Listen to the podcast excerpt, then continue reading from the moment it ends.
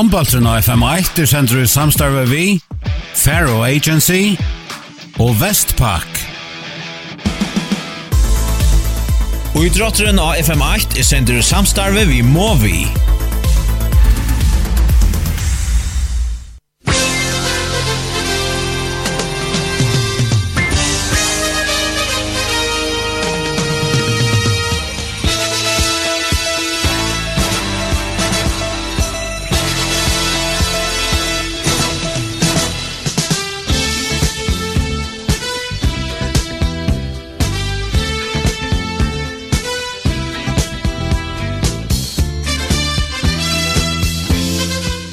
Vi har sånn et kjent av Lennon, så færre vi det bjør at det kunne være velkommen til fyrre kvalte, her vi sier fra topp håndbalte og børn mannstaltene, og i kvalt er talen om absolutta toppfonden i høllene og i Kodla 4, Beigeline, Heimali og Uteli har spalt åtta dister. Heimali KOF er åtta vi Fyrslandsdion, Nummer 2 er H1 vi 12 stion. Og det er uh, nek prat om H1 i hessen døvun, at han har kvinner heva som fyrsta førska li nærkant og i vunnet seg tvei omfør vi er i europeiskare kapping for felaks li. Og sjurur, hva er det for er serpes li som kvinnerna tja H1 møta? till nå spyrst och löjtes under mig jag vet det eh shit det land har det ser på inte fälla och hej vunnit och störst i Europa för var inne hukt efter ligan känner det inte så kände inte några namn efter men här ska ses att om vi tar serbiska kvinnor så känner jag bara att det är allar allar största namn som Lekic och så har jag helt glömt ja, jag var en girl igår. så jag får nog inte kjölta vid mig akkurat nu.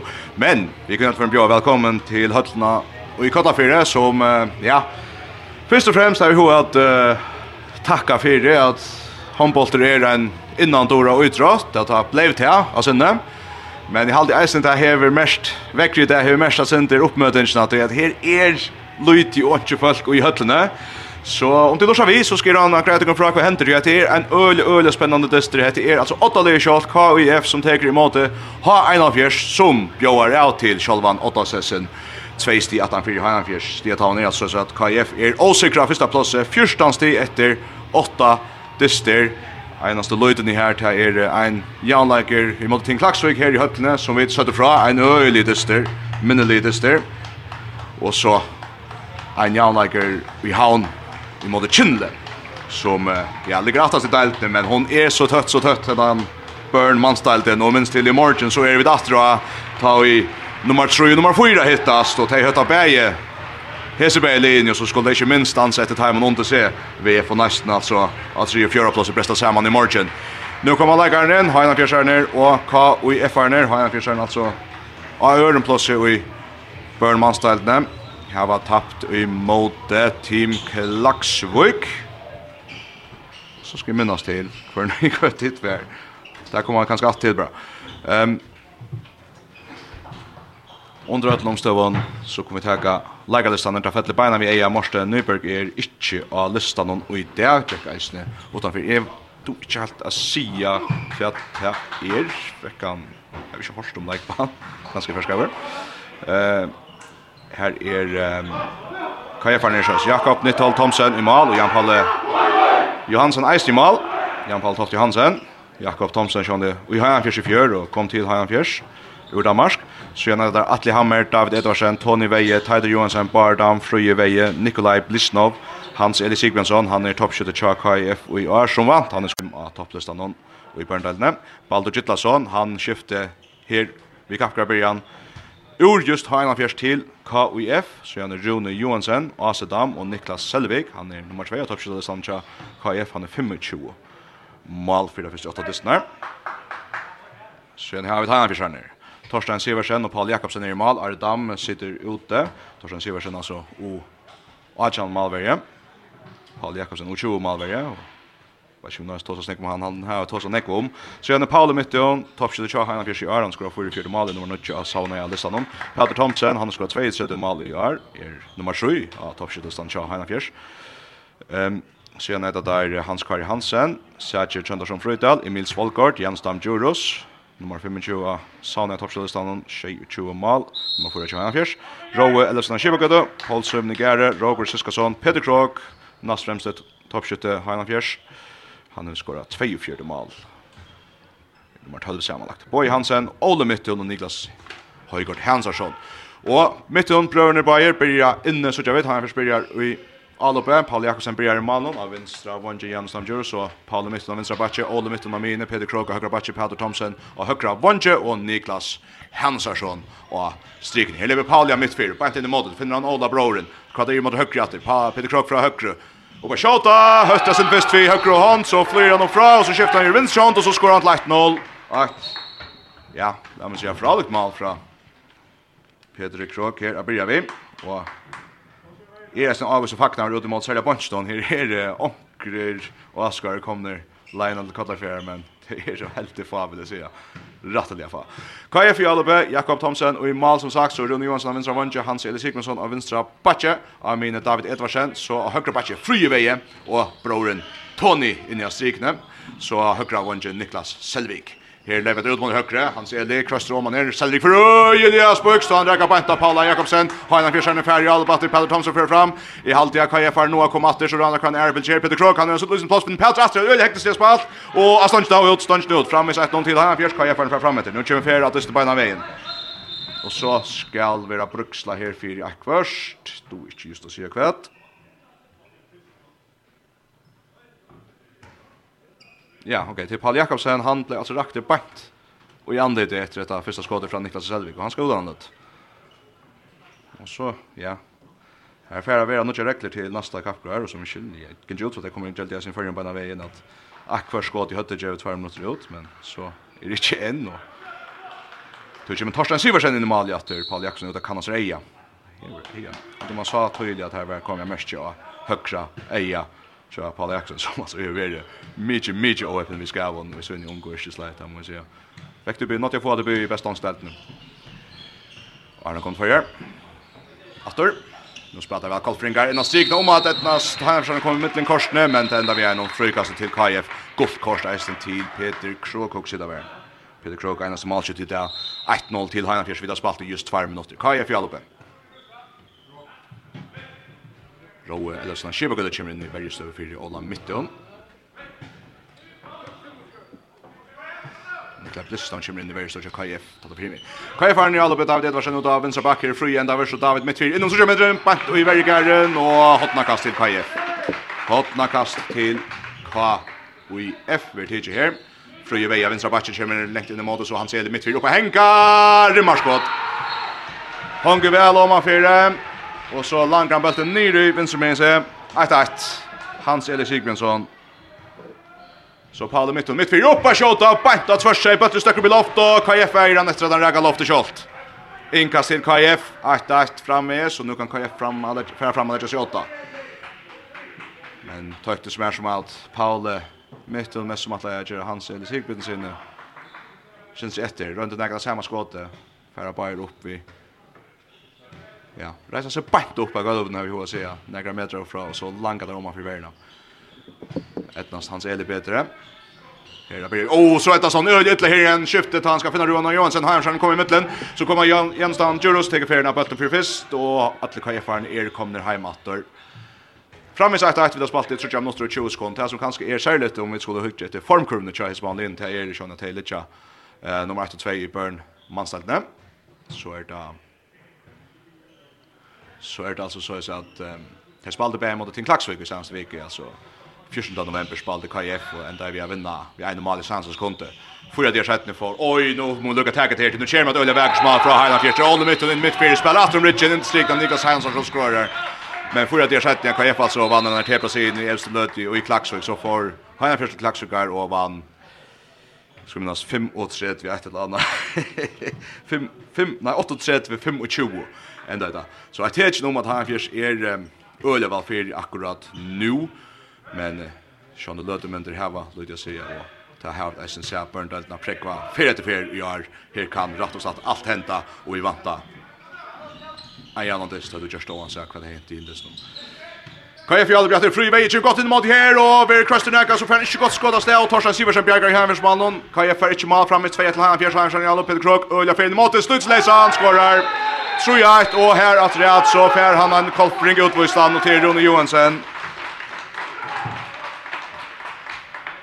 Peter Krok vi öliga går jakten på det här i Erbelche korröliga fjärda släpper vi kanten fram i kanten av någon kajfar och också inte till Hoxengrom att han kan stäckas och ja att han Hoxengren som Rune Johansson hej han kostar så här sen och ut 2 minuter ut så kommer Baldur Gittlason in och i KUF Alba, hälsar hjärtligt på Peter Thomsen som ska välja fyra någon. Tar på er här över Lifelayer. Ja, in till Oxstadium Kapgra Brian ta han för att spela kalla för. Hans Helge Sigmundsson här kommer in i måte. Ut till högra back David Edvardsen drar upp jag över helt för först och för nästa till frukast till KF. Tror jag ett framväst till Hanna Fjärsvik spalt i 5 minuter. Och Hans Helge upp till högra David Edvardsen Hans Eli, Hans Eli, og han snutt sig jøkten, og han, ja, snutt sig jøkten her i hua, sier han lumpar verjelegeren tja Heinan Fjers, Tjena Evers skulle lyfta 50 och så stryker han i jöknen. Väkors mitt fyra och minkar ner i 3-2. Anna Malic hans är i långt nu. Annars Peter Kroga skra 2 mål för han för sagt och Niklas Hansson efter skor efter. Efter obra flott upplägg från Ola mitten som man så inte är inne nu tar spelat ut att spela här att det har två styck spelare inne så då Palm mitten så till Jajina mitt fyra och han får upp en shot och han lankar på till en Palm mitten. 4-2 till Heimafjärs. Palm mitten. Vi går on hoppeskott av vänstra backe. KFR är under manna är i 35 sekund efter rätt. Spela bulten håller runt så tar de Malvera nåt av det var sen kommer in för bulten i högra backe den fria mittfyra avtala där att Baldur ska komma råtta för att göra nu själv då. Gjerne her. Så får han bulten, Baldur lägger pressa in mot minus och bulten mot högra backen. Så han batt in av vänstra backen att det är fröje mitt fyra. Att David Edvardsen flyts mot minus att det är fröje. Rönna Björn upp i krok helt helt från första jävla och så blir frikast. Frikast KF och tar vi fullman här nu om en 5 sekund. Tar ju med Malvern David Edvardsen Björn upp i högra backen mitt fyra så det är fröje så det han gör nästan och han er i rönt och värre pura fröjer men så finner han broren alltså han ränner, ränner sig in i Tonias strikne och så släpper han skott i stäkorsne han tar man uppe jag vet inte helt just hur så lunch under vart här row är skiva vi här är och oj ja tackling av David Edvardsen och tar sig att David drar och neck och här är han för spelten row är skiva lägger press av från vänster ut av Sra vank och så tar där färden av row ut fyra sista partner Ola Mitton som kommer in och kipa alla bjällar ja, det er vel som för skipa då, han måste vara Paul de Lolo som skiftas om. Om den äldste om den äldste Hever Algeratten så är det han han ständer sig med nu. Peter Krog och högra backe på Ole Mitton och till Paula Mitton. Han steppar sig högt åt skinn i vänstre och han får bulten i mål. 5-2 till Heinakers. Paula Mitton. Vi ser någon öre mål. 5-2 til Heina Fjers, tjejen holdt mot færen. Heina Fjers byrja betre, særlig alopstøve hava. Ja, latt vi har kommet til møllakar her vi nesten hoa sida, ikke tog, altså. Ikke kommer til en ordentlig ørgrunn, men uh, helt hampelig malmøllager i mest møtte og vi tar seg bæje Peter Kroks, var framvisund mannen Paula Esni, og så, ja, eit ølja vegårst oppleggen av stigna fra Ola Mittun. Kai är för alla bjatter Tony Veje kommer att stiga upp på till så kommer Hans Eli. Nej, David Ederson lägger först bra högt ut. Bant Hans Eli mitt fyra som frie in i mål från vänstra backe på den där. i högra backe att mitt fyra. Tidas sig ordi mot mannen bant nu så då fri, han ser pratar med jökna stöts i Marvin mannen kommer med brottskast och Verdo vill sjunga att vara. Paul mitt i hon Verdo visst av Och så checkar Simon in. Frie Vej för in och tar ett svårtest i mål Paul mitt och släpper fram igen hon. Och han vill inte släppa rätt stundes. Brottskast till KF. Og, ja, vet ikke om tar høyre med det grann, det er jo visst jo i, at ikke hva jeg farne, der sitter inne med i roten, jeg vil si, så han nok tatt i heimspansjen, akkurat nå, nesten alle kjører dørvis. Men jeg heldig om tar, om folk heldig som er at uh, Här som Johan vinner som man vann på eller så kunde Free Way Bridge heter. Brottskast av Edvardsen täcker längt om man fyra mål, längt om man fyra mål. Detta var skott. Oha. 5-2 till Heina Fjärs KF bränner brottskast. Beiline vanta en mann. Kolfrinkar i 1 minutt og 5 sekunder træt, og Høyvishinkar i 1 minutt og 35 sekunder træt, just ur hese løtto. Nå kommer Olje midt under midt fire, finner Peter Krogan, går plåse på hengan, han dribbler sitt av sista Petter Leisen, nei, så kommer der tekle! Så takla av korsene Kolfrinkar, så takla av korsene. Og det er vel avgreit. Sen jag håller med att mitt fyra uppe Henka, lekt ut högra vång, släpper sig jöknen. Så Ivas tar ödet. Honja Domarsen upp just nu, har brukt en alvering och bollen sin laser. Olle mitt hon ska få Fältron så Peder Krog skjuter pant i blocken. Men det detta Olle, Olle ska någonstans skjuta här. Finns det inte att de vad det var hastigt spalt och så är 6-2. Nej, nej, nej, det blir stil. Här är så har här sig här fick själva fjädra bulten och fick ju lofta bulten i vanliga sammanspel och så ända vi att fighta på ett att som hött i ena strikt av Niklas Hansson som tackar för och skorar 6-2. Oj oj oj oj Ja. Så Niklas Hansson som skorar två mål i det. Och det här bär vi efter framgjord upplägg från 16 år gamla Ola Mitton. Så man ja. Jag också till det här sjön om han hesa vikna till sig. Nu ska Karl springa väl. En kvasse bøtter høyre bak ut av vinstra bak. Peter Krog i hansverne. för ut og røyner at fenga bulten, fiska bulten, men han stryker bænt fram vi og så er Hans Eli Sigmundsson atlan veien i jøkten til Mali, og han avgreier vel. 6-3 til Heinan Fjers, KF minkar månen, og tætjer Hans Eli vi sinnom 3 Mali, og til 3 tja KF. Nikla Blistna, vi kom inn natter i verna, Kolfringar fullmann er, har vi kikka vera fullmann er om eh, knappt 20 sekund. Ole mitt natt i mitt fire. Vi er helt en eka, finner Roa som måste börja börja pura av mycket. Bulten kommer ut til Peter Krogs, og Amin att så skiftar Roa och Ole i Heina Fjersal om noen. Roa skipar det legger av fyrir fyrst, så Ola mitten att Roms Røyn at det er at høtta vi at spela en særlig bølt aldri, men han vil takla røyla vel til Tony og Nikla i fjellet. Så han ikke domaren opp, skal også hente til Heimers, og Peter Kroger sinne på seg skjota, og Jakob Jagar, Jakob Jagar. Og så fredag skjøtt himmel, lenker bølte fremme til, men han er overlenker, han er overlenker. Hans Eli touchar sig efter bulten och helt ner i hotten och vänster med men han färas så helt ut i kaffesölna här i höllen i Kollafjärde. Annars är Paul Jakobsen nästan kom in efter i Härnfjärdsmalle. 6-3 framvis till Ha en av fjärs, ha en av fjärs i alla be alla mitten och genom stam Juros pratar samman åt i vänstra så kallar bulten av Minal Paula mitten. Brönne mitten spelar samman för först, nickar till kvar annan. Så också ska komma en flytning, tar vi första strik, Nebelt under högra back, och det är bra vid fjär, mitt fyra, Paul där vänstra back, innan Björn, ja, han släpper tjökt, Notar Skynald, det, och han får bulten i mål, ja, ja, Hacknes ner fram i hötten av Jakob. Paul i mitten, skorar den tjej tröj. Kolfringar himmen, Ole fjär Anna som missar där, helt allt, ja, nej, han ser det helt fram, Röna Björn, ja, Atle fria, det är inte perfekt, man touchar sig öde så missar där fjärna. Och Kolfringar skulle börja. Sindra Nutsjon her, har vi ikke få skipa sig näka och tar Ivar så øyde kostar skulle skipa seg, det mangler för mannen eller nej. Och så tar Julian Johansson time out, Då ska han helst eisen just det Stutte, Tjak HF alla de sälja och Hanna Fisch, alla befinner nekvar lösner i resten framför. i tjej tror jeg han vill ha spalt i går 11 minutter. Vi teker kött Malkjøttanar, Hans Eli Sigmundsson, 3 mål till till tre mål till KF. Så för Hanna Fjärs Paul mitten 3 mål, Peter Krok två mål och Niklas Höjgård Hansson två mål. KF tog time out och vi höra ur havn. Håndbalter AFM 8. Høstkvalde klokkan 8 sier vi fra Burn Månstaldardest noen mellom Nastan og VOF i Høtlene og Holse og i Havn. FM 8, tutt, håndbalsradio. Håndbalteren av FM 8 er sender i samstarve vi, Faro Agency og Vestpak. Og i drotteren av FM 8 er sender i samstarve vi Movi. Så er vi där i høttene i Kotla för KF har haft eh, knappt en minut att prata om tingsnö. Her var det seneste årene her, og så et lite här opp. Det er ikke stilt att köra KF typ bättre här der. som det ja, vi har sagt ofta här är för Matti Jöknarne. Typ bättre här Hans Eli Sigmundsson som eh, hever skåret tre mål og til tre framöver vøkermål. Ganske ganska tvätta första vi Her har Kjolver, ser du fyra døy og gå elvering til det trea. Tjej tror jeg så til Heinan Fjers, her vi da spalt i 11 og en halva minutt.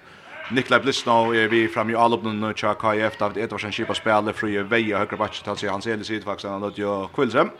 Og høyre vannsje Niklas Selvik, og vinstra vannsje Baldur Kittlason, og enja stikne Tony Veie.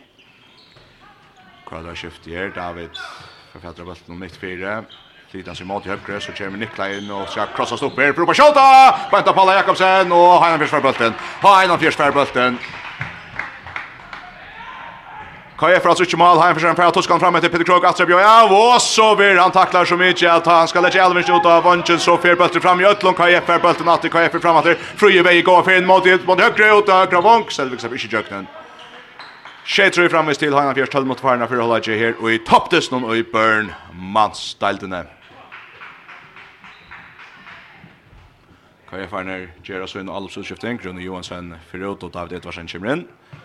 Han ser det gjør sitt reier til bunchen nesten til stemmer som. Her kommer meira folk i høttene. Vekker blei som frier om skiltar rett.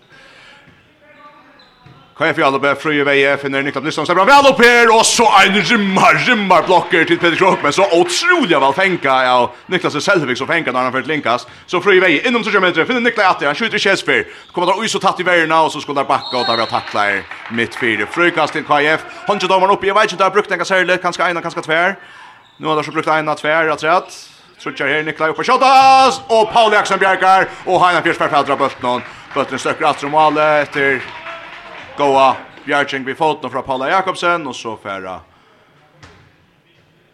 Heina Fjersjæren Astrid Alop. Framme i Strobel til Kolfringen å få mal, men tar her så finnes det stekka høyvekjeng og nekra ferien her. Nå Heina Fjersjæren Astrid Alop, og det mitt til mitt fyrt til Høgren Peter. Han kan jeg fast åtta han morsen Nyberg Kristensen i dag. Nå eh, krøstet der vel Paula Mittun og i var inne kallt for en guard her, om man missar bøltan her senere, men tar få han atter korsene. det mitt under bra fra vinstra bakke, og så finner han sig jøknen, røyna finner vondja, han får brottskast. Han får brottskast.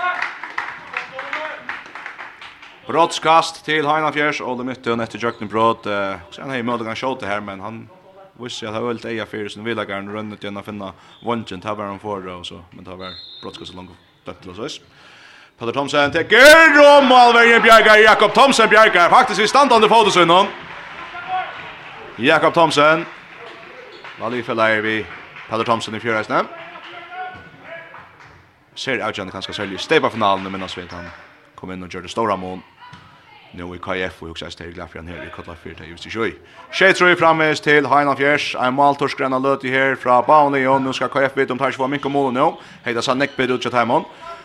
Niklas Blesna in i måte. Er hon kommer til skott alt det tycker Ja, Så er Benna stigna och vi upp Tony Fjæra. och försväkta. Bult rentar mitten i benen Tony och Petri och så får Fer Tony helt til Petra bulten hon. Och så tjej får Tony Veje och så Paul Mytton hiver en hårt öle trust. Han får upp av flickva mitt fyra. Trust i vägen att och så langar han bulten ner Så blir det skjuta mål i mitten sen. Ett mål till KF och bant efter här ett till Heinafjärs. Akkurat till fjärde, 8-4 till Heinafjärs. Så Tony Vej vid sin första og så Paul Mittum om sin fjärde. Jag skorar helt när och Heinan Fischmann. Hans Eli Sigmundsson kommer natter. Niklas Lysna av vinstra backe. Så Hans Eli mitt fyra. høyre backe David. Jag bara ner David. Så Frans Elian av vänstra backen lägger det första trusten nu, men alltid att man får komma nu David för att lägga alltså den mode så för Nikolaj. Hicker mot Hans Eli, man får att högra att korsne. David från högra in mot Mine, hicker efter som vidare finner Nikolaj allt och tagit i vägen så för Hans Eli och skjuter att Nikolaj och Paul Bjergar skjuter smäller Jimin. Men nu är den går, han rullar den går, han rullar den går. Kaja Fjall og Pelle Thomsen som var torska etter bøltene, han manglet, så nå så hadde han en god støv her, i Kaja Fjallner, ut av vinstra vanker, Baldur, Øyas Buks! Og i track, og i track. Hoppas han fjerde bollen veldig malen. Framvis 8-4 till Heina Fjers. Kolfringar med nast åter. Och där så fäknas om att Höjvikingar inte öde hesa løtna hem kunde Höjvikingar själva där fäknas om att uh, tar lasta fram med sig fyra mal og at Kolfringar hade så ställt i allom som der här va. Heina försökte ju alla med. Olje och Paula av vänstra backen. Och min jag vill visst ta bult med så lägger Pauli mitt fyra som att oj falsken går dömt. Ja, släpp alla men jukte men här var så gav annars skridning skrivningen ja strykne. Så lever KF var Ronny Johansson mitt fyra crossar till Nikolaj.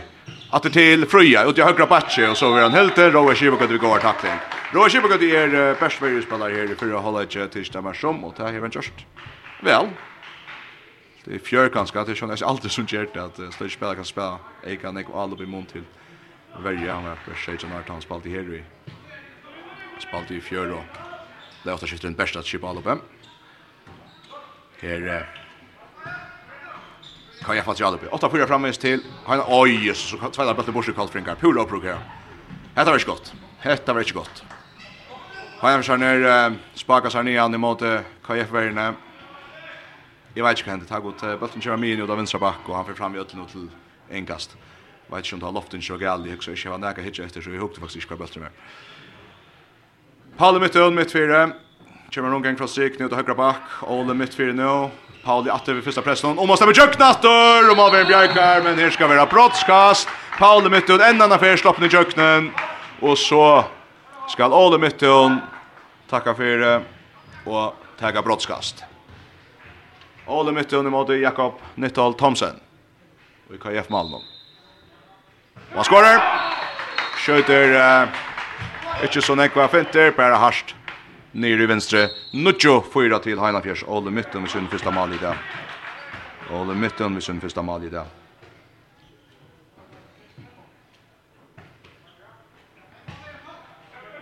KF i Alobem.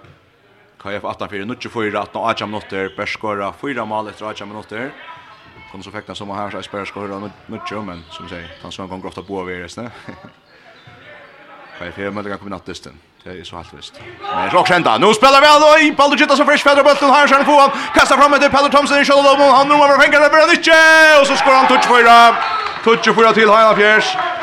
Jag löser stöva på från Montan och i Kaja fall upp någon bulten över spalt in mot stryk när bulten teaches med att hacka på men ändar vi att Heinar Fjersen eier bulten och Peter Thomson är ferdig fram, och bulten ligger öden öden neft, här är det en tvær kolfringer som er rundt atter, da Tony runt vei som er rundt atter, så frie. Men när akkurat inte kvika vangen cha Heinar Fjers. Peter Thomson till Tucho 4. Tucho 4 till Heinar Fjers KF, i aldri etter vi har spelat just nu jam minutter för halvdagen. Karl Fringa skökt fram och sätter mötet. Alltså dammen kom in. Här en god idé till Toja. Till här. Alltså dammen bult ner. David Edvarsen, upp på shot on night. Det är inte så finna hans Eli så Ase. När kan de så med den arbetar i högkretsen hem själv grund om. Innan min att hans Eli undra skott. Det är rymmarskott. Det är rymmarskott. Det är rymmarskott. Hans Eli Sigmundsson med sin fjärde mål. Mikra mål 25. Roa Schibbergud i helten presser fram efter, helt en väl, fri vei tacklar och Karl Frigga får stäcka. Hajan försal upp någon i Erbilge. Öle skott från hans räddlighet. Det är, ja, som mer än ett omtals Så sår sujan armskott ska inte liksom toucha sig under från mjötten men bara back fram i. Och så ett näst KF börjar läsna på Ulrika Palla mitt och han ska skifta ut till Peter Krog men bara för fram i ut länkas KF att Jalbe KF att Jalbe alltså dam in mot mitt fyra så kommer just det samma gal i hemvägen och Hainan Fjärsajer Hainan Fjärsajer inkast 20 minutter färden just, touch och 5 till Hainan Fjärs Vi vet ikke om uh, den tendenser, men at det er noe sagt mest enn jeg fra hjemme for senest nå. Men etter når vi har haft loftet hver for at Line gjør feiler, altså, som det ikke må gjøre om det skulle koppe en så sterk lige som hjemme for seg for døgnet. Palle Mytton, en av mine, Ole Mytton, ut av vinstra vånk og bøtter ned og lenker. Han røyner et øylet, han røyner en øylet alver, krøster midt fire, taklar med som, så släpper han bulten och han bo av en av vänstra vång kvart om han blir ute men där vart en flygas för tacklingen att bulten förut linkast så har han först framme så bulten har han först framme så 8-25 och har han först lägger fel här vid Paula mitten in till Peter Krok han rör också här Paul efter Paul gör plats brottskast. Kolfring är inte samt där men brottskast ändå Vi Ver liksom stäcker att två må vara men domaren skjuter högst innanför det. Olle mitt hon ser brännande för att ta brottskast som äldre broren här stilla fyra. Här Olle mitt mot Jakob Thomsen. Jakob Jönsson ut men Olle skjuter just samma ställe som Havor. Harst ner vänster, inte så långt ut men sikt korsne 11 och 5. Också därför ganska fram i mjötne. Olle Harst så tycker jag. Olle mitt med sin mål i där. Efter sitt Anna brottskast. 11 och 5 till Heinolf Jers. Sex mål av Moni här har spalt i halvan 22 minutt. Kaja Fjallupe. Alltså dammet för ut till vänster. Här han ser Alltså dam uppe Henka för när han skjuter så fri kom det nåt där. Det är bra för högra backe ända där sen det löjt Hans Eli, Elis för Baldur och Spuks Baldur Gittason. Banta Paula Jakobsen och så färra Heinan försöker framåt där. Så färra Heinan försöker framåt där. Paula mitten ut till vänster här och Shibagate och så tar ja det är Paula mitten stiger färna av. Bult någon Heinan försöker göra sin allop så skjuting till som för ut i allop in i mitten. 8 minutter etter av fyrre halvleitje, og et heimsli i totalen tamerhalte. Et heimsli i totalen tamerhalte her.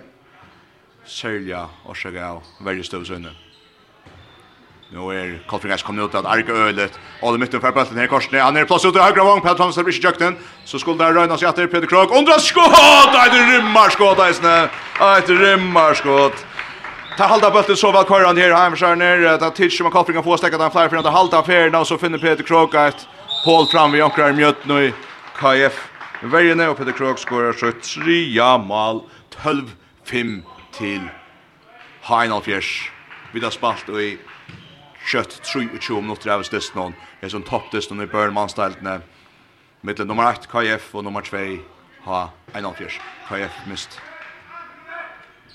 sti og imot ja, ett sti imot Klaksvik, ett mot Kjønne, og har han først tvei imot Team Klaksvik. Her leper Fruje vei og skjuter hundra match med Paul Jakobsen Bjergar, Paul Jakobsen Bjergar, Paul Jakobsen Bjergar. Hainan fyrst for bulten atter, Kolfinga får ikke mål, Hainan fra fram atter, nu rann atter øtja, ut av venstre bak her, og er Kibuk og Lina Bjøy av, og er jo til Peter Krog, på trøyde lenker, han får akkurat fætron når han har sagt ut lenkast, og Hainan kjengar ferien av, og skifta Ola mitten i Natsi Alupe, fyrir Roa Kibuk og Rune Johansson är färdig ut, ja den stora för maktfärg eller hur för maktfärg hur kallat det så längt fram jag vet någon Baldur Gittlason är ut i Orek och Ölje väl och ja det faktiskt att trutcha ut i Orek och backa där men så ja mitt fyra alltså väl efter nu väl stigna Niklas Hansson det bollen ner brottskast av Jakob Bjarkar. Palle mitten här vi Hector Leon inspel i strikna för uppe hänga mitt fyra är inte ordentligt till att skåta till Huxie. men finner Niklas Hansson Ölje väl och han har finner nog mycket till att Det var brottskast hos han brenner. Jan Paolo Toft Johansen kommer inn og i KF Malen stendt fyrir Ola Mytte og nå Ole, oi, loppar han Lekker han bare fram i høttja Malvianon 13-5 til Heinan Fjers Ola Mytte vid tria brottskastesøynon og tria Malesøynon og så teker Julian Johansen KF-venjare timeout nummer 2 og vi er framme i spørst 24 minutter inn i Dysnon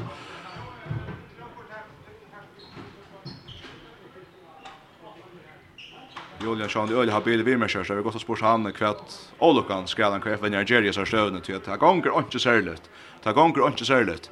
Men han har en tire så stilt och gärna få ökt och ökt och ökt nu upp i 13 5. Vi tar matchen den helt kött. Fyra KF tar shot det här han ser sig som i fyra mål och Tony Veje vi Aidon till det fem. Så det är 13 till Heinan Fjärs. Paul Mitton fyra mål. Peter Thomsen ett mål. Peter Krok tre mål. Niklas Hansson två mål och Olle Mitton tre mål och lite brottskast.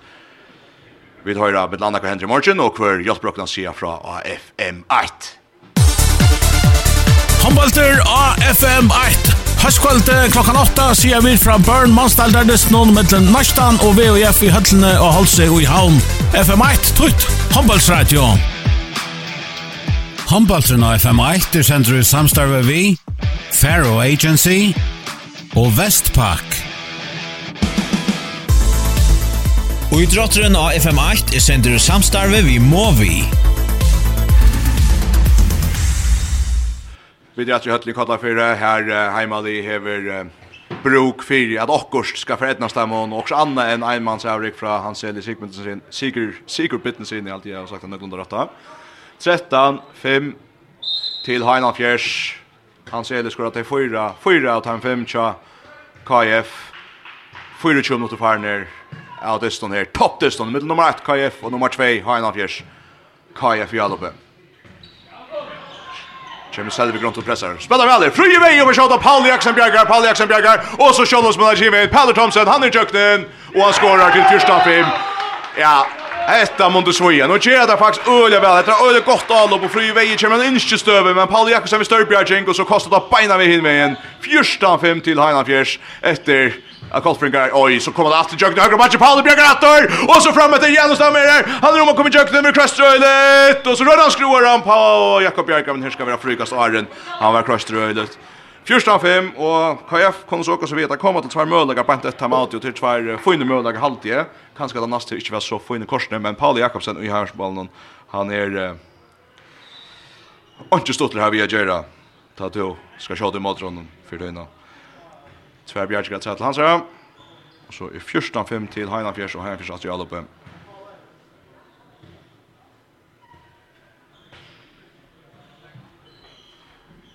Har Her spela samman här i Ole Mitten och så til högre Peter Krog. lengt ut av høyre Vonger, Peter Thomsen og etter av vekkers mal fra høyre Vonger. Peter Thomsen vi søgn om tre av malet, og så er 15-5 til Heinafjers. Fruje veje, Ulven venstre, hans Eli. Han finner seg plass i korsene, og så er brottskast, ja. Det här ska hända. Jag vet inte vad jag också till en öle gott hoskott bara att han ser det täcka själva alltid till att ja, kan det vara så Niklas Selvik. Så är det bara skor ett brottskast i år om men det så toppskyttan rast. Toppskyttan rätt. Toppskyttan listan rätt. Tan listen som Hackfröngren och Björn Nilsson Nattstadsten för han kan sjå det så läsas att tråk.fo. Niklas Selvik, han skorar 25 mål, Arne hända distan, 2 till brottskast. Nu røyner han seg mot till Torsten Siversen, han räknar första ut! Han räknar första ut! Nej, nej, nej, nej, nej! Åh, detta kan bli en länk kväll till uh, typ Peter, är det inte Kolfringar som skulle köra hem i Ötnarväck någon. at her här ska också helt, helt særlig hända om uh, om det skal etnast ettnas tajmen att vet här slit till att uh, Kjolt, ta det här var alle möjliga så vi har ett stikning 15-5 till Heina Fjers, han kör upp i Ole Mytten, plass alle vind i åknen, og och skorar veckor, 16-5, Ole Mytten, krossar vi Brorsjön, Ole Fjers ut etter mot vinstre, Tvejtje kök åtta sjöne, og lytter bulten i Male, 16-5, og så skjøter det efter, Selvig Fjär bulten, og så brenner han att. Det kommer första skott från vänstra backen också till Fröjs och av Paul Jackson vid Storbjörging halt ner vid vänster. Bötter söker bant till Selvig. Han för jökten så rör han att jag vet inte skruan eller lägger fram i benen på Jackson men Paul han Ja, Bjarkar som tar vad han nämns i alla världen Paul Jakobsen en annan för 16-5 och Malje Johanna fjärs stages framme som Ganta. Pura så som Ganta. Hanna fjärde satt Jalobe. Paul i mitten från vänstra batche finner Ola mittfyr. Ola skjuter fram vid. Näka väl fram vid. Näka väl fram vid. Rönnar Renneskott skott mittfyr. Bänt om han för öxna och en någon. Kan jag fram? så kom Kai fram framåt. Han ser det av vänstra backe. Att Rona han kom fram i alla Bjer mitt fyra så ska han krossa hans lite gott. Upp på skjuta och han tar och Sjölvan trycker inte någon förut. Han tar Sjölvan trycker inte till mal någon mal hot ni upp i oj högrum. Högrum men han ser det och han förut. Ja. Ganta till Ekadeta Malier. Här har inte Gerard. 16-5 til Heinan Fjers. Heinan Fjers at Jallu. Pauli Mytteon. Han stossar på under Mali vid en renneskott i og så er 16-5 til Heinan Fjers. Og i topptesten i Börnmansteltene. Heinan Fjers er ner få a stekka i sin nødt hatt tidsi som at KF har en HFR til et uh, Jöknenbrott og Järbilge, men dette stemmer ikke. inte. Seijan framvis. Pauli Mytteon skorar just 15 mal. Han er dagsens toppskytte. Et flere enn Hans Eli som skorar 4-5 tja. KF. Mars Olle Mytteon skorar på 4. Kaja för Alba. Fruje vei, innan strikna Tony för akra fältronen så ska han, ja så bryter man av min kökne! Frukas bäst, frukas bäst.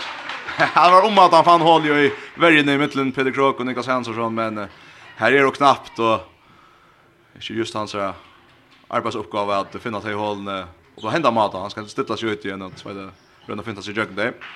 Men och mednast fri att det plötsligt inte han ser elbötten sin laser där på bötten att det och så röna kvar bötten ut till mot i högra Kottringar ser att det har lagt ett bein men uh, alltid att de har sett om man för knä ju och då ska det inkast till KF det är väl resten inkast fri vägen in mot mine och då högra back till Assa så för hans elbötten mitt fyra och på skott på inte Paula Jakobsen.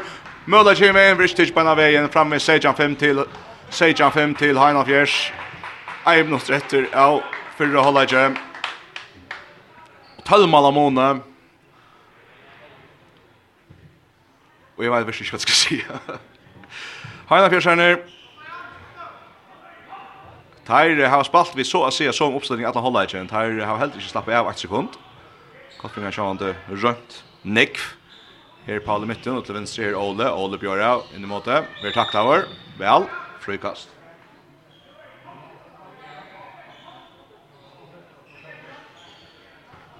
Han svarar sms här, en neckline att det inte har så väldigt så så väl till Pauli och vant alla spel som har till att KF Berger fem mål. Det är från någon rundel neckline här så ja. Men nu börjar det väl till Peter Krok. Här ska han missa bulten, KF han får skjuta upp men just då är det att Balde kan få fädra bulten så kämpar Peter Krok flickande på Sronk och slår bulten näsan har han ska få fädra någon åter här tar det högt som har visst mål till KF. Pauli mitten och till vänster här Roa Schibberg upp på skjuta. och... och Jan Paula og så ut, og så er Hollaikur, og her er Seitjan 5 til Heinald Fjers. Og etter hver ammoner som får å komme øl og tølja. Malskjøttaner, tar sig øl og nekk, just det som støve. Vi tenker Heimskjerner først. Palle Mitten skrar 5 mål vid pura flickvande. Peter Thomsen 2 mål, så är Peter Krok 3 mål, Niklas Hansson 2 mål, Olle Mitten 4 mål, så är det brottskast. Så för KIF här har Tony Veje skor 1 og så er Hans Eli skor 4 mål. Jeg har ikke å si at det er, det sier alt, tølene sier at tydelig hva det hent her i dag. Paul Jakobsen hever pura flikkvand i malen og tja Heinanfjers. KF Alubi hever strilte. Her er Sejan 5 til Heinanfjers og i toppdisten, i måte i åttalidon og i børn mannstiltene. Vi vil alltid sette holde ikke vite om KF. I vil høver kan gjøre nega som helst vi hester samfunnet i average tja Heinanfjers. Atter til Hannar. Håndbaltrena FM1 er sender ut samstarve vi, Faro Agency, og Vestpak.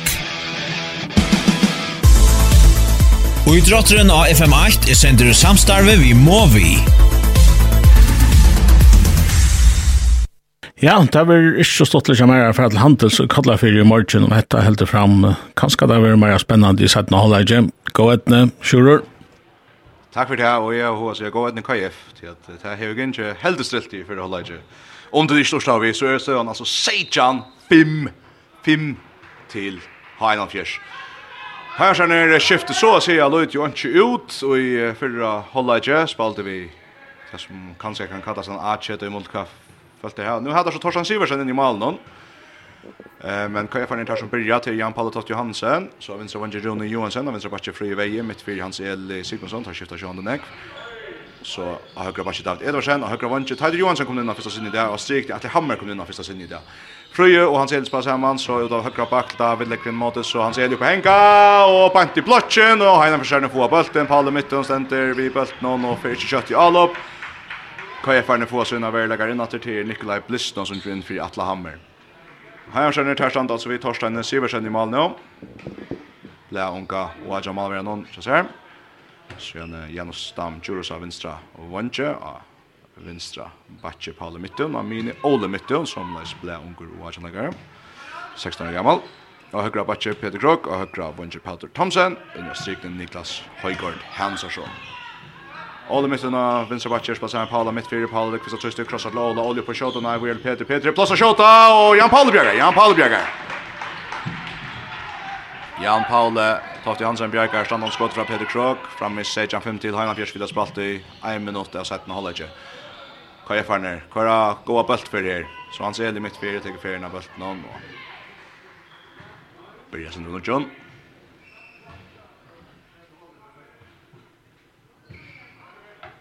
Spela der holder jeg sammen her, kolfringan her. Skulle sitta tempo nu kvar lite, tar vi David för först, så kommer Fröjen och Mine. David Atter, så kommer det i igång där. Och då vänstra backen Hans Eli, en av mina till David. David på shot allt igen. Nej, crossat till Fröja. Bättre synd det så får han Atter Fröja till bättre. Så Fröja mitt fyra. Och på Henka och goda blocker för att Peter Krog Vi rimmar blocke. Så igen. Heina Fjarsarner i all upp i attor. Tagga ferien av bulten for fyrir fyrst. Tagga ferien av bulten om fyrst. håller mitten 20 minutter, för Roa Schipper går det här tätt han skiften som är Atlantis där spela vi Det er som linn inne. Jeg har ikke sett uh, att nu Det går skjuta om han löter till några folk Hände här. Olle mitt finner strik. Dankors väckna och så skorar Heinan Fjersatter Niklas Hansson. Och Atjan 5 till ha. Einolf Fjers. Så kjemper Balsen ut till venstre. Og han sier det blir helt. 8-5 til han fjers, Niklas Hansson, vi tre av Malesund, og alt tror jeg har vært å passere sere særlig opplegg fra Ola Mytten. Det mot Eisnem, bare asan at her er nok helt særlig evne av Eisnemslinjen. Han ser litt mitt fyrre, og til venstre her Frøyeveie, han er sin plass, og Råskiv og Gullesen velverden og takler. Frøygastel Kaja von Nudjon.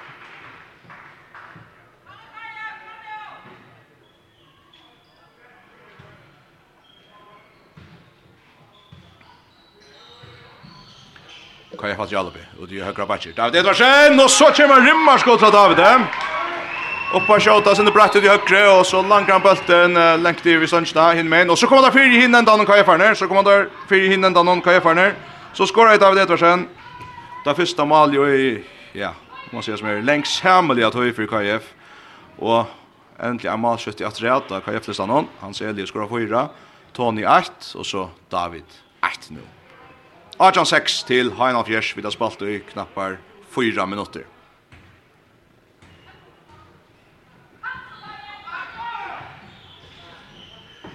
Hans Eli, eh, oi, så skal han se femta mål og han enda vi at eh, enda nere vänstra vantje. Tjena också Nekvius när alla blir nu for tøyna. Og han skår rörliga väl, nere i vänstra vantje. Rå Kibagöte över helt en frikast. Kan jag få takla. Ja, så ett nästa i flyer för jag kvar för nu. Jag vet inte om han att så ta ta mat eller klart. För det tränar taktik halve. Han har Simon Olsen och skalt nökt vidare. Men han ser Elias ser sin femte mål. Achan Shea. Achan Shea till Hainan Fjersi mot KF. Alla mitten kommer natt där. Han for Bretton Peters og Atle Paula midtfire, så Pauli Atre plåser inn och sikna, Niklas Ferran och Niklas Hansson skårer så ut fjorda mål, hesefjer fra Paula midtfire, fra litt mål fra Niklas Hansson i Atre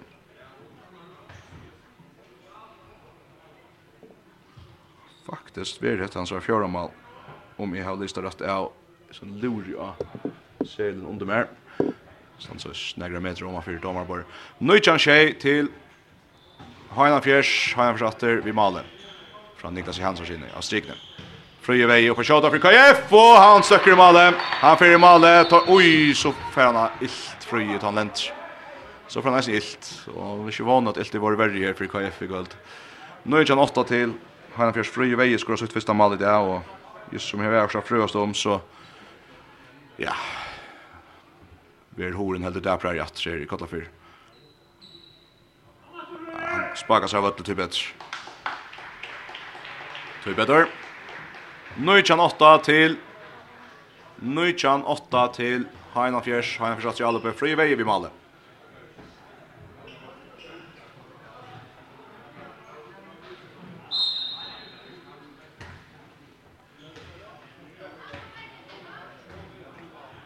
Hollywood satte mot färna 17 og holder ikke.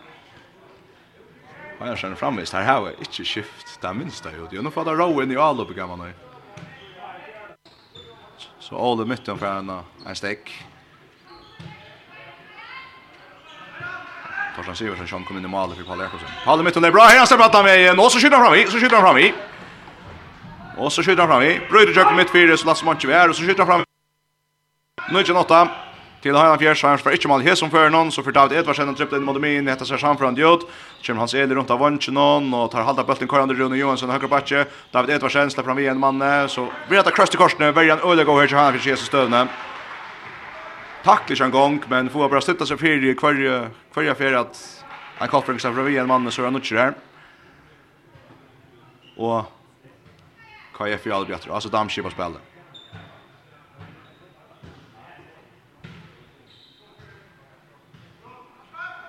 Atli Hammer mitt fyrir til Vincent Hans Elis og innan min her i Asadam. David Edvarsen høyre bakke på skjota og stund nå ut og Heina Fjersjerne få fætra bølten hon. Heina Fjersjerne få fætra bølten hon. Nujjan 8 til Heina Fjers. Oj, ja, må jeg tagga. Det er topp, topp, topp distrin, i Børn Mansdeltene. Shame mot final set knowledge here. Nujjan 8 til Heina Fjers. Och det är ju lägga jämta i 17 hållet. Det är det bästa under för KF. KF alltså och åtta osäkra här till. Hur stapt den? Haft två anlägger till Einas slutne. Oj, och så vi Peter Krog pura fri jöknen. Släpp orka väl i jöknen ut i högra backen men Jan Pauli ända vi bjärga Jan Pauli vi går bjärgen KF Malon så för KF i vinn. Rune Johansson vi taktar över och han vinner så här jävla. Färra en Höjvishing utvistan. Där blir Peter Krog som här skulle ha först. Höjvishingar ölja ölja och samtidigt just det sån men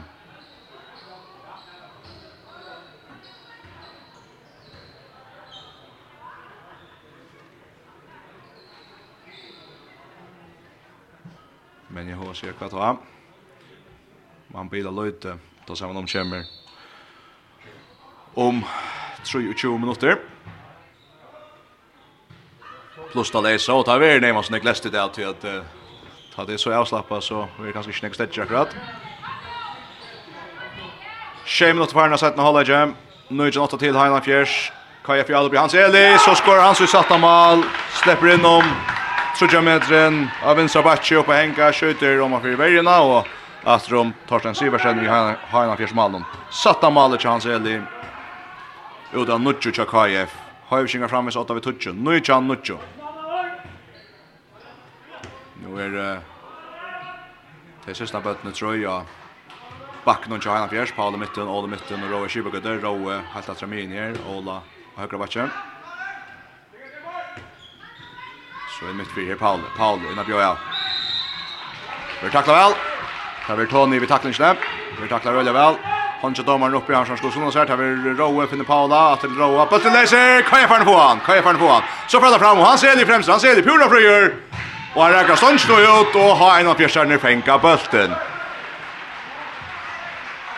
Ja, hette søvann av dysten. Kjolt hadde etna styrs. Kjolt hadde etna styrs.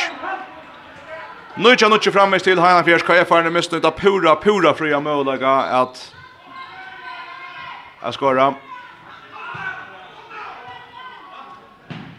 Hanna Fjers har ni under tal. Hade i så stöd bara från ska ses.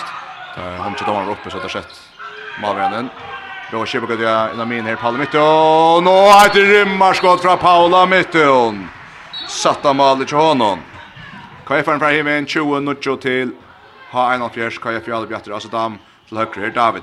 David upp och hänga Bojer han ser han ser plats till Rona Rona av vänstra vånche och så är 20 touch Jag är lägger jant i sätten hålla Och koffringar runt över 8 vid Svajmon ja i sätten hålla jag i det var Sejan 5 och i hålla någon så er det nu 20 touch till Heinolfjärs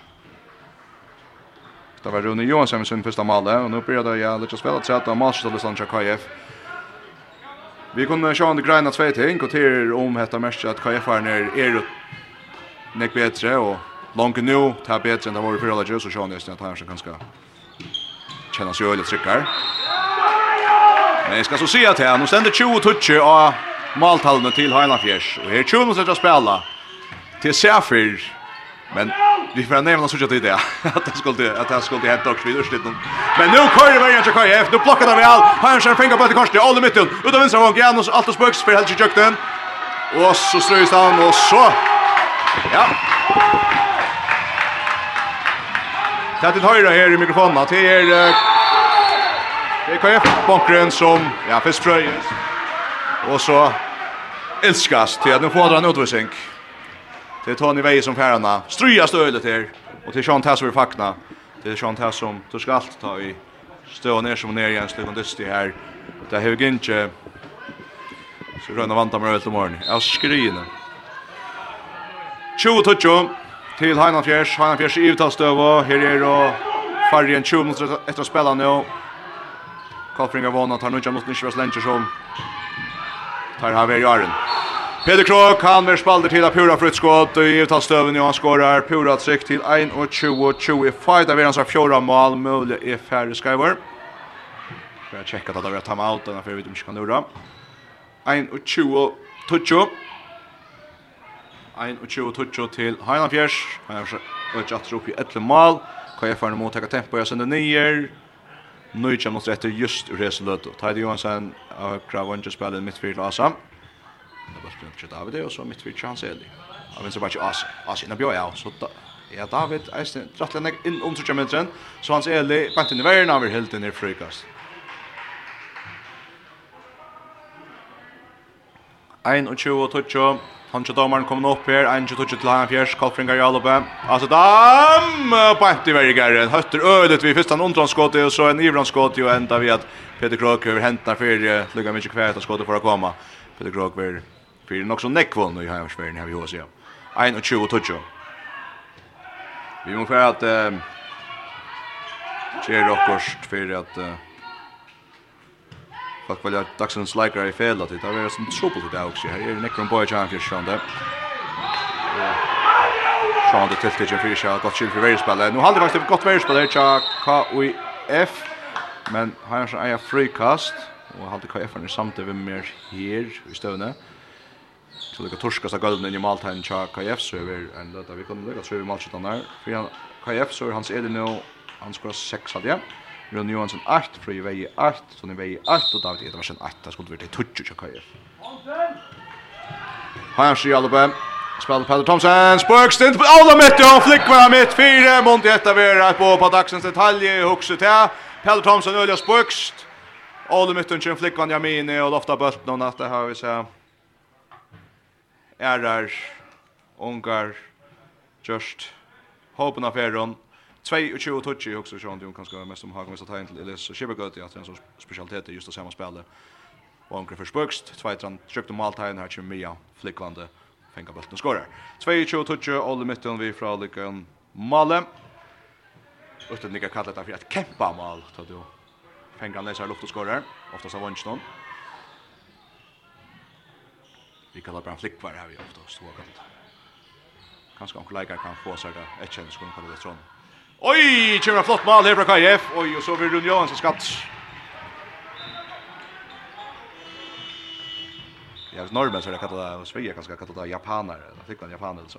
Rune Johansson han ända vi att få bollen halt ner i högra vånche kom in i utgång skrua bulten väl fram i målvärden så han fjärs och framme sig Torsten Siversen. Minkar mål 2 11 men så fel alltså haltande av öll Og just her etter så teker Heina Fjers timeout. Vi tror malskjøttanar, som vi har skrivet der, for å dopchecka nå i timeouten.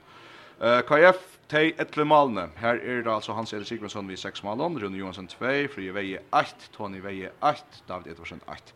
Fyri Heina Fjers, Paule Mittun 6, Peter Thomsen 2, Peter Krog fikk jeg 4, Ole Mittun, Monte Koma og 5 nå. Og Niklas Høygaard Hansarsson 4 Mal her er 22 11 til ha 41 vita framvis. Ja, godt og vel akkurat her etter Montavera når 16 16 minutter etter Røndo Vero. Vi har lukka med landa Kan Henry Morgan som Ivar Lest, kan det lova dig, det här är näckmar spännande där. Vad siktar Lars Astrid Morgan, det ska nog bli spännande. Görs väl. Handbalter AFM 8 Høstkvöld klokkan 8 sier vi fra Burn Monstaldardest noen mellom Nastan og VOF i høllene og Holse og i Havn. FM1 Tutt, Håndballsradio. Håndballsen og FM1 er sender i samstarve vi, Faro Agency og Vestpak. Og idrotteren av FM8 er sender i samstarve vi Movi. Takk fyrir så vidt i høttene av høttene i Kotlafyrre. Her er Rosei Kjamos etter å spela, og her er 11 mala måned, 22-11 til nummer 2 i Børnmannstelten i H1-fjers, som fer Ivalest, jeg vet at KF, den første åsyren, hetta kappgrare. KF er åsikra, men nu 18-4 vi 11 mala måned, her har vi lengt 18-4 Atlan, dysten, nu får alle mytten og kommer her vel her til H1-fjers på henka, men vi taklar Arren og kjent til at det godt skåt, men halde ødla hårst, damer han bruksla Arren, nesten. Anton Ole som kan synder och några mot Lars Vigmal faktiskt. Ger faktiskt inte ordentligt negativt lands går ordentligt det sist. Roa Kibbe går upp och hänga och tar väl i sig Baldur Gittasson stjäler bötten så Frans Utland som hade fram Baldur Gittasson mot Torsten Siversen. Och man inte till att han inte Heimersmalvin vinner 2000. Så kom Störbjergjeng från Torsten Siversen. Paul Jakobsen var näka så irriterande för KF i förra halvleken. Nu Torsten Siversen, ja. Störa sin dräga salt i Saric och KF vill säga. 22-11 til Heina fjers og her hadde ikke lust så får jeg bare enda tagga da og ta tål så sier jeg så langt at dette er det som hentet distan det er kjolt at etna så etna styrkja KF for Roa Kjevuk at bjør ja og han vil vusser ut veldig spallang det er Tony som vil vusser ut øyelig ånøkt og i KF-levni om just dette ja til er at Ravi Shibakata leiper inn, og kan jeg fremme løyre vi til liksom Ravi som tråkar kanskje, og leiper i verden, men uh, damerne og Ravi Shilver sier at han har vært rakt i høtte, andlit, tvær minutter ut til KF og til Tonne Veie, og så spiller han seg en idrettsspill, setter Paul Sømmen Gerd igjen, tar kjøret først idrettsspill, så tvers striker, holder midt i inn til Paul Sømmen just, og oi, så blir det skjølende hånd og kjønnen, det er godt verre spill, men det er så frøykast, om man just drar skjuta. Så det var för visst ett mål, men nej. Det är möjligt att förn. Och det mitten att det är Peter Krok. Och så spelar inte och så kämpar Aldo Gilles att i målet. Finner han Eli, han Eli tripplar fram efter. Hever han här så till Peter. Han försökte en kors nej så bra tacklar. Niklas Hansson i rund nöle väl hem och han får hjälp Peter att stäcka hans Eli. Och så är framvis 22-11 till. Har han fjärs her här han står här vi tänkte. Nu montetnast. Kan jag fast släppa skottet upp. Nej. Alltså inte. Så där kände jag också jag skulle jag släppa skott till så jag Torsten Björk. 22-11 till Hainan fjärs framme vi har vi det fan just in i senaste dessa fjärringen. KF i undertal av Atlon en av Här Her Hans Eli, Anna Mina Nikolaj Blisnau.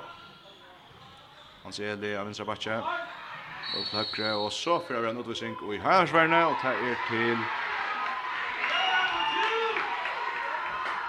Peter, ja, Peter Krog.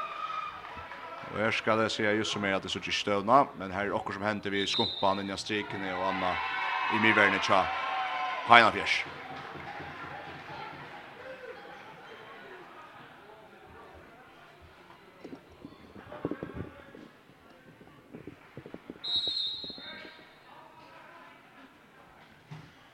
Vi der kom inn i senasta Dystar Fjörnjön. Vi hava rum at vi på etter Dystar Berskoli enda. Men Det är rätt KF att få det lägga januari här sjätte hållet. Problem vart att för 12 mål i förra. Öjlig fakta har KF på sig nu till att nu ett nästa väl. Loxens cha KF spelar en goda stöv ut av vänstra vång i spel, Om man Balter Kittlason, Balter flyr in, skorar öliga väl. Så tror jag mala har mån i åter 22-12 till Heinafjärs. Hållagstöv var alltså 16-5 till Heinafjärs. Her i setten hållet ikke hevda brakta bedre tja KF, men nå mykje ver da neivan. Janus Damdjuros her, skår rølja vel himin, av vinstra vantje fyrir Heinafjers. Og så er 3-12 til Heinafjers, Heinafjers er spela spøksdommen av vinstra vank, Janus fer rattla spøks, honke vel, honke lantje, og tidligst at strujast øyde for jeg kommer Jan var, men skåra så øyde vel her etter. Strujast 12, fyrsta malet til Janus er. Ikke forsker over. Ja. Kan er fast i Albi? Han ser det inn i måte. Her er givetale. David, ut og høyre vang. Teider i kjøkkenen. Og Torstein Bjerkar. Torstein Bjerkar i Høyversmalen. Hva er for heldig smal her? Håast oppspall er helt, helt godt. Men ongen er offeren om at ta gång sista gånger hese stöven efter han dyste vidare över vitten till det första tre kvarteren. Vi har spalt i Sejan och sett när han 13 mot 30 och nu kommer Heinan Fischer ner och se veist hva vad vi färra vinnan dyste nu för att skifta sindri ut. Emil Svalkart kommer in vänstra vång, kommer Roger Siskason in högra back och Boy Hansen in högra vång, Paulsen og Gary strikne. Roa Sjöberg skjuter blockar för i hotna kastlajan Hotna kast till Heinafjärs. Kjem bulten lengt fram Ramin här Roker så Ole mitt och mitt fyra. Roger Shiva går igen och så bak och in mot Paulsen men nu han fänga bulten och så droppar med Malvin Bjergar. Malvin Bjergar. KF Bjergar bulten. 3 och 20 och 12 till Jan Paul Toft Johansen som är inne han är inne i så att säga han sätter hållag. Halt inte Jakob inne i sätter hållag. Jag har haft Flybergar. 23 til Heina Fjerskjerier og 12 mot retter KF i Alba. Nikolaj Blissna og Høgra Batje, inn mitt fyr, her hans Eli. Så til Høgra Bakka til Nikolaj, Nikolaj ikke vil inn i lenga tøy, så Ase. Oj, han omast er på seg jøkken i Ottarsøyne av Vinstra Batje. Etna som faktisk eiste, men jeg halte er takla, og han er tidsi, og nek fet eller så er han tidsi fjora fetel, han kommer jøkken og skårer veldig vel, men her frukast har han. Frukast KF, Røyna Atlas har vi jøkken mot Roger Siskason, men Roger fra Hiltjonon, KFN vil her skal utvisning mot Høysensland, har ikke dømt. 11 minutter og 30 sekunder etter å spille. KF for hjelp. Altså dam ut av vänstervan. Baldur innan han försökte spux og han hoppar och ut til verre. tyvärr. Taktiskt mer som att øye vekker slopp men det är simpelthen teker stund og och husker ändå att det kommer en nice men det är stånd til KF i det. Eisene. Ikke tog ut, ikke det som er månen med marginalene, og tar vi har kjent marginalene, ikke det som er månen, det alls, alls ikke, tror ikke uthold til Heinan Fjerskjer, men eisen til jeg hever gjør sutt. Tror ikke tølv til Heinan Fjers, og gjennom heldig linjen, sett med holdet ikke, til her må leise en stafest av. Og det er ganske eisen er Rosel KF, at her har finnet tippt malskjøttet ikke den tja Heinan Fjerskjer, Nu uh, god tackling från Tony Veje och Roger Schibbe går mitt fyra frukast till Heinafjärs. Hanche domar kommer upp. Han skall på Hanche själva väl för Töna. Så håller mitt under mitt fyra. Släpp fram i det första läget. Nå, nu så skjuter han stundsna och så halter Tony Veje spaltet ut det. Han får en utvisning. Och till den tredje om vi ska skriva. Nej, till den andra. Halter sig till andra utvisning. Domaren täljer det. Jag kanske jag skulle skaffat ner. Jag har ju honom en som har kronat åt. Ta man vidare så. Allt för en utvisning till KF. Nej, han färdar det kost. Tre och synsjen tja Tony Veje i världen till Ole Mytton som det bra av vänstra backen mot Mien släpper fram igen och Tony runt helt halt honom klar akkurat halt honom och lunch och så helt honom av lunch om tar ju några mening för det kon så mycket sådär alltså alla bröder jöknen och väldigt inte släppte Utan spel till Hamfjörsborg Hansen högra vänche och han skorar till 4-2-12. Tölv Malamoni attor så är det att som hållax då han var. Hon var 6-5. Nu Boy Hansen till 4-12 till Heinanfjärs. Första mål till Boa. Och så vid Satcher Fröjdal in ja striken till Heinanfjärs.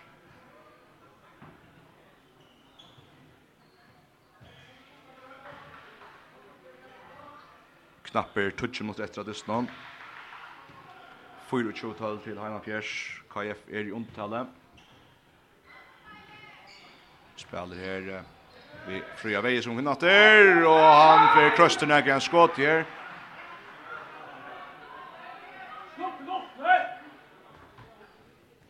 Her er kjære nøkter her, Kaja Farner, av Bonsjnån. Men det er så svinner Jan og ut og stekker bløyen, så satt han holder ikke til alt det Hans Eli og Trav Vinsra, Batsi, og han får bøtten i mål, Det av mål, Hans Eli.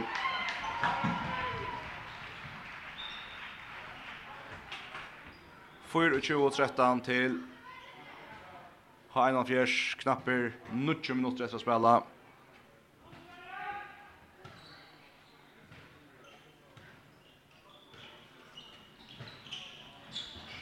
Ha en av fjers, Atri Alupe. Vi har tacklar först här till Råk Siskarsson Rönsheim, så Olle Mytton, Hötter, in mot Mini, Atle Råk, upploss ut i högre på i Hansen i Jökna Nutsjon, och han skorar Nutsjon. Han skorar efter.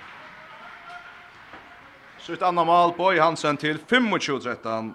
Månner vi varvetter vi som man vär vi håller tal mål på i Hansen. Vi sen örmal i det. Här som det är något. Det är något. Så jag syster var kottla för till tog vi allt allt och längs igen.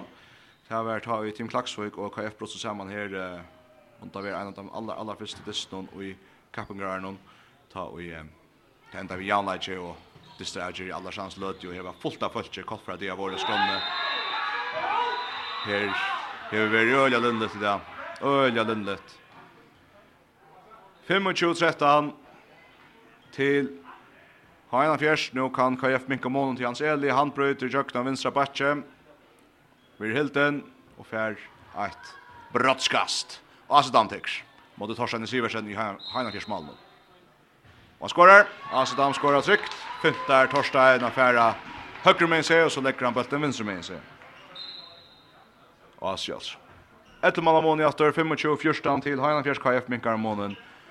Halt jeg her, så her finnes ikke alle leikere av Vøtlen nå, så jeg er ikke fryt at dere kommet inn. Han strykna, han er strykna nå. Liskiperen er og sier ikke noe nødvendig langs til noen, så gjør vi bøyer til dem.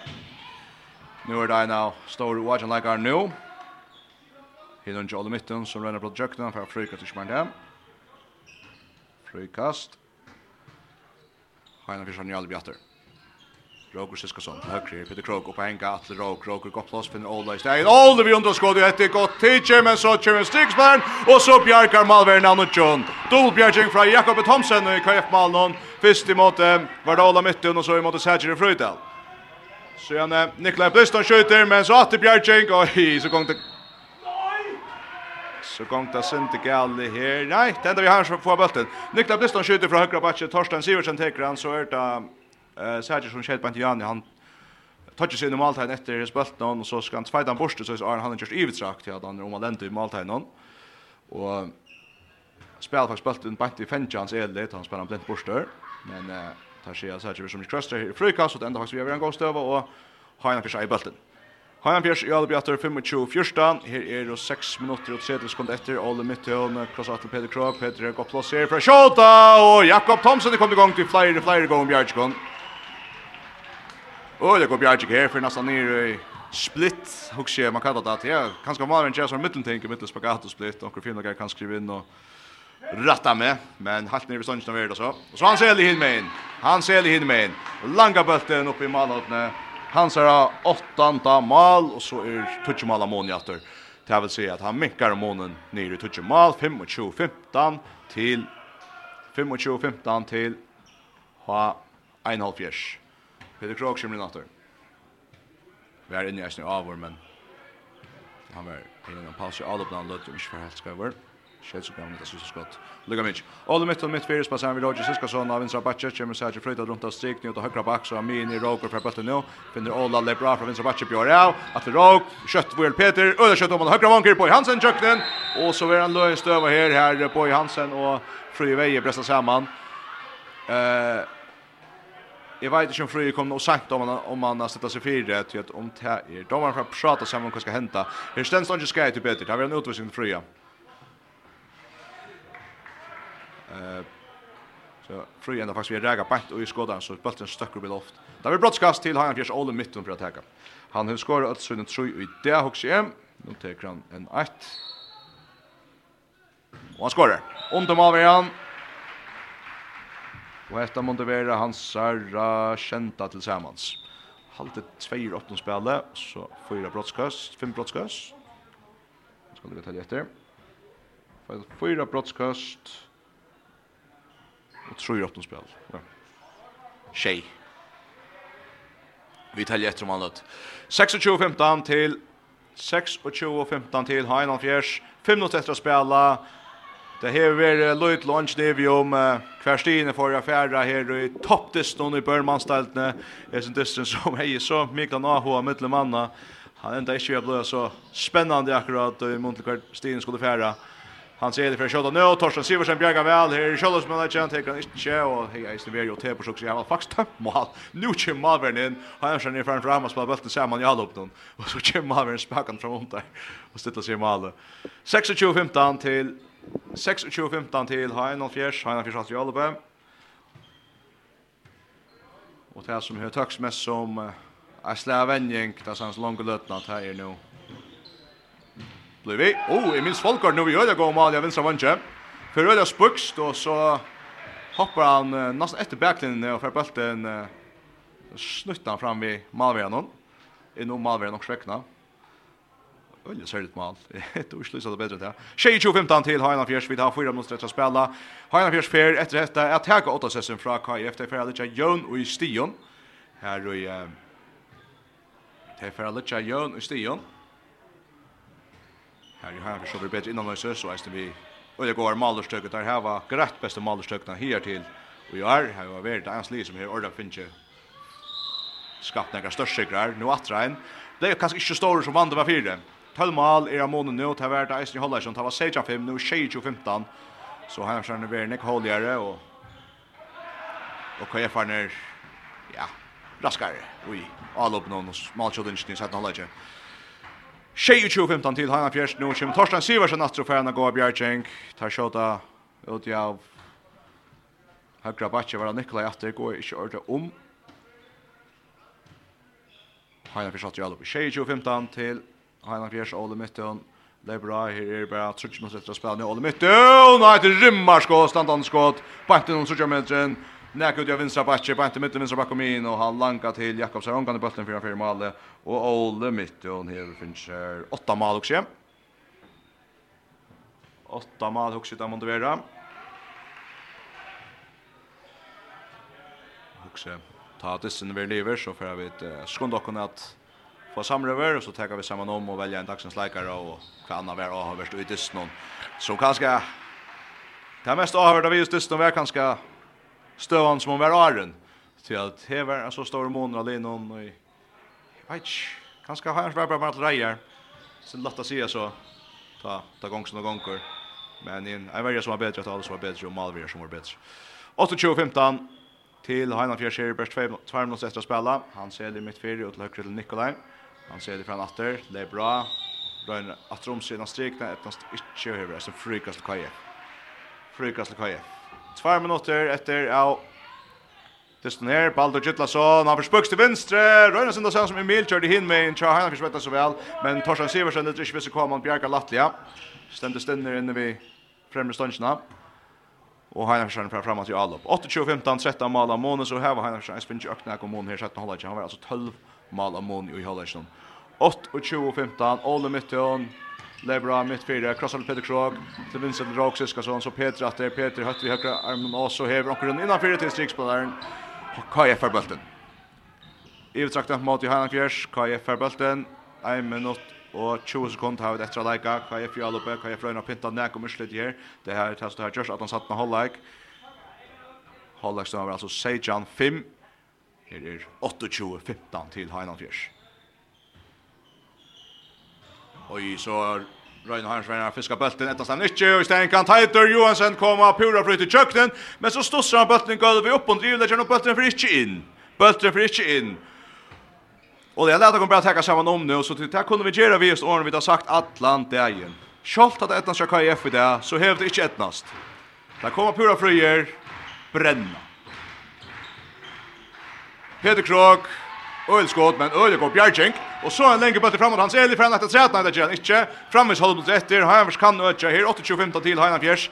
30 sekund efter Peter Krog för att bøtte fram om man hakra vank KFN kommer med en annan fair men har tracka in i måltegnet att fänga bulten. Här är frukast til Fjärs 20 sekund efter 825.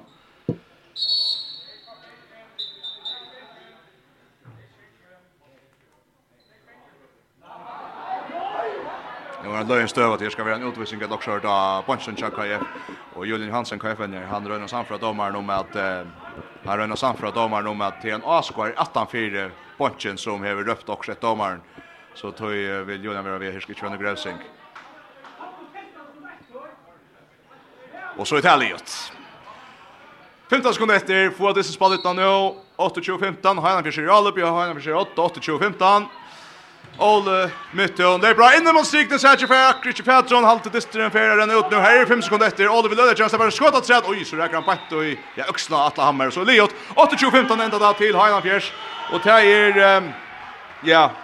så tar sig då Monte just lite snöjt lite. Det gör det inte. Highland Fjärs och man har allt som är. Där kunde vi ju på det större. Kan jag få få av Sinterfyr här i sätt med Hollage. Størst sier til Heina Fjers, i måte i Ottalund KF. KF var åsikra inntil i dag, men der fink iver høver ikke, ja, bein jo sjansen i dag. Sejan fem var det i holdet noen, altså et allop som absolutt ikke hei i av, og så satt ni holdet går her, kunne vi ikke greina sånn ekko ut men teit nei, så KF at halda sinde bedre, jant ut i, endast 13 mål av måned etter at holdet vi holdet 28-15, Jag nu är Lindy så att jag håller kommer bara se här vi mest som bara boja efter vidare vad får det hänt och tänkte som åkrar vägrar stöver och så framvis.